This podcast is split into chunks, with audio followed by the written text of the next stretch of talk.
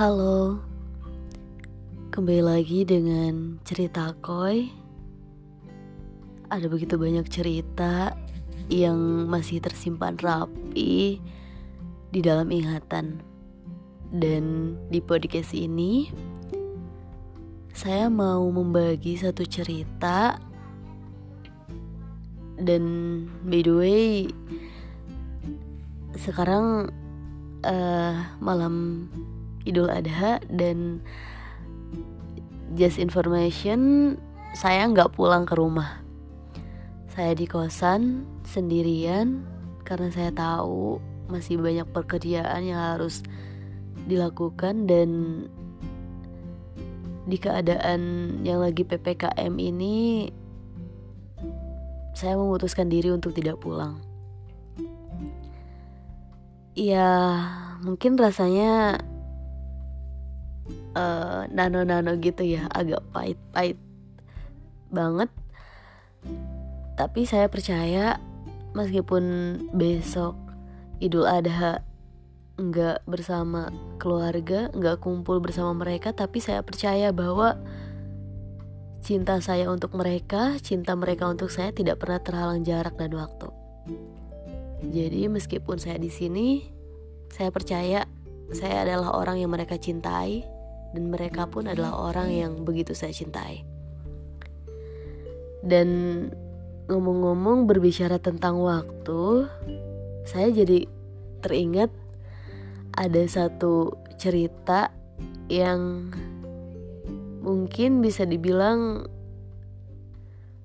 itu adalah kali pertama saya dalam hidup menjalin hubungan LDR karena dari mulai SMA kelas 1 sampai sekarang itu sebenarnya saya paling gak suka LDR saya paling gak kuat dan gak bisa. Tapi entah mengapa Tuhan menghadirkan sosok seseorang yang dia bisa menghancurkan prinsip saya waktu itu. Tanpa melihat muka dia tanpa bertemu sama sekali dengan dia saya bisa menjatuhkan perasaan, saya bisa memberikan kepercayaan perasaan saya kepada dia. Jadi waktu itu ceritanya uh, apa ya?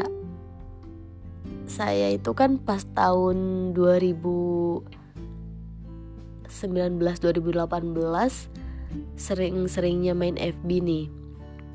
Dan waktu itu memang uh, lagi banyak event-event lomba menulis gitu.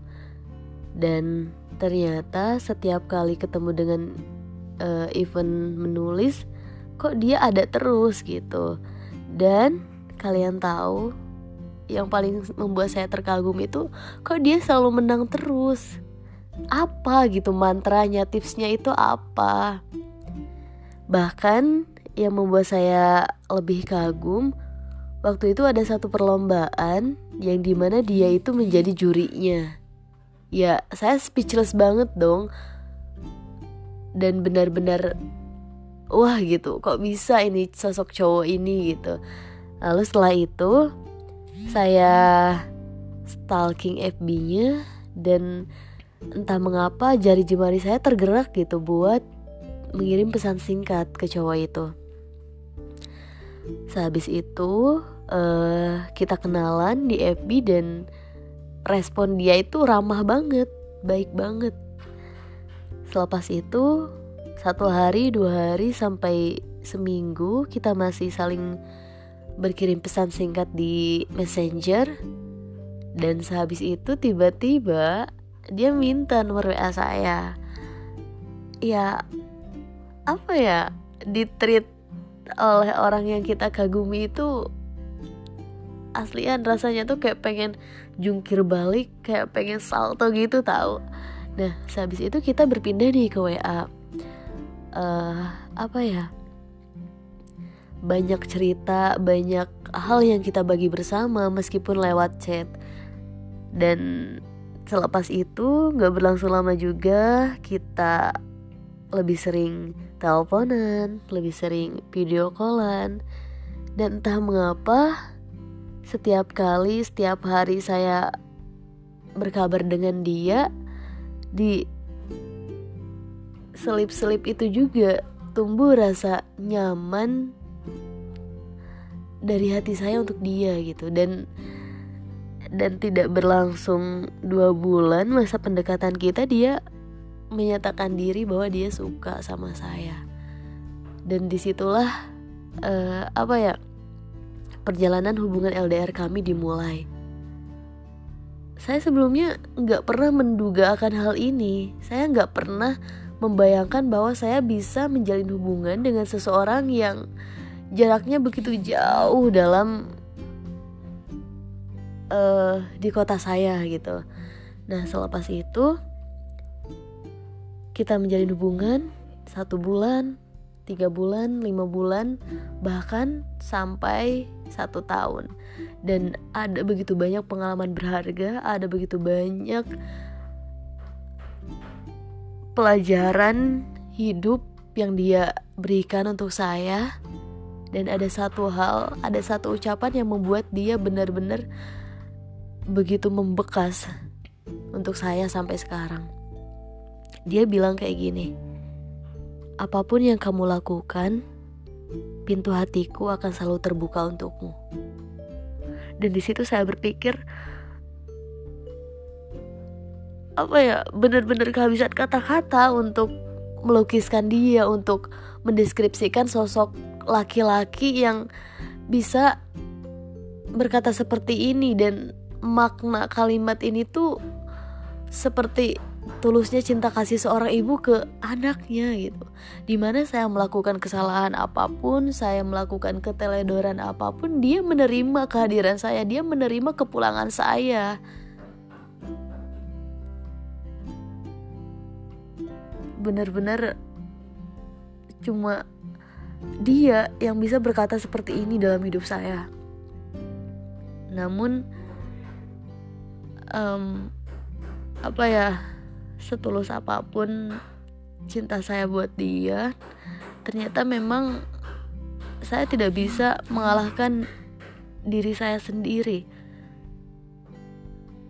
Rasanya satu tahun lebih menjalin hubungan secara online itu nggak enak oke mungkin satu bulan dua bulan saya rindu bisa ditahan tapi satu tahun satu tahun lebih itu susah.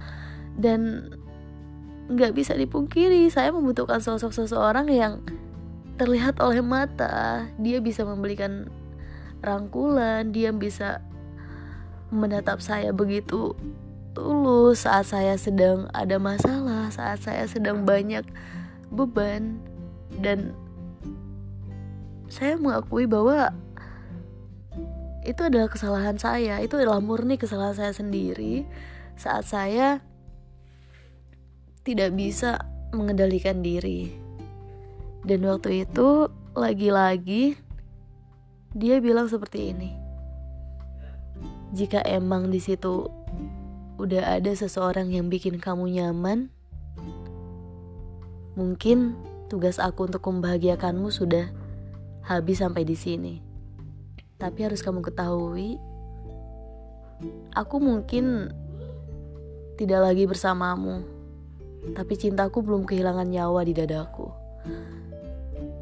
Dan sampai sekarang saya benar-benar keinget kalimat dia yang begitu tulus melepas saya karena alasan saya yang mungkin bisa dibilang sepele gitu ya dan saya berharap saat ini semoga Tuhan memberinya bahagia. Semoga semesta tidak pernah menghadirkan luka dalam hidupnya. Teruntuk dia makasih. Terima kasih atas segala hal baik yang telah diberikan. Terima kasih atas segala bahagia yang telah diukir mesra dalam hidup saya.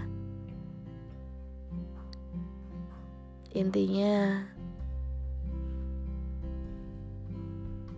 terima kasih karena telah begitu tulus mencintai saya. thank you